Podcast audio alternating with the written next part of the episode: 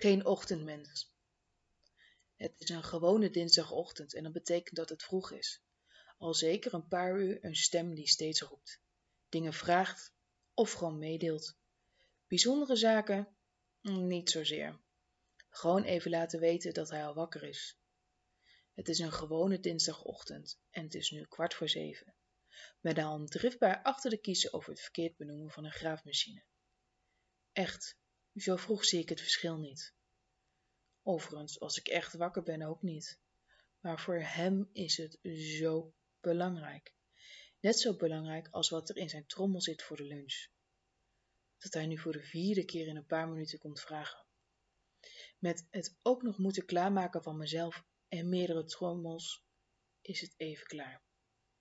Het is een gewone dinsdagochtend en ik plof. Zachtjes, ik weet me nog ergens in te houden, maar er komen kleine knalletjes. Of hij even kan wieberen en uit mijn space kan stappen. Ik zeg het niet heel lief en een moed zakt in mijn schoenen. Als ik me nu al zo voel, hoe moet ik dan de rest van de dag voor hem zorgen?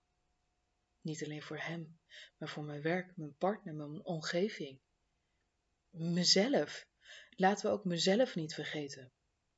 Het is een gewone dinsdagochtend en hij slaat zijn armen om mijn been. Zijn hoofd ligt tegen mijn heup. Zo groot is hij al. Ik wil je alleen even een knuffel geven hoor. Hij drukt zich nog eens stevig tegen mijn been en stapt dan de keuken uit, alsof er niets aan de hand is. Voor hem is dat ook niet. Hij heeft wat hij wil: een graafmachine op zijn trui, brood met kaas en een kiwi voor de lunch. En een vlugge knuffel aan zijn moeder gegeven. Het is een gewone dinsdagochtend en het raakt. Het raakt me dat mijn zoon het normaal vindt dat ik ochtends halfpakken reageer. Zal het me lukken om ooit op een gewone ochtend meer ruimte te vinden? Meer ruimte in mezelf en mijn aura? Dan kan ik die knuffel teruggeven, door mijn knieën gaan en hem echt even zien.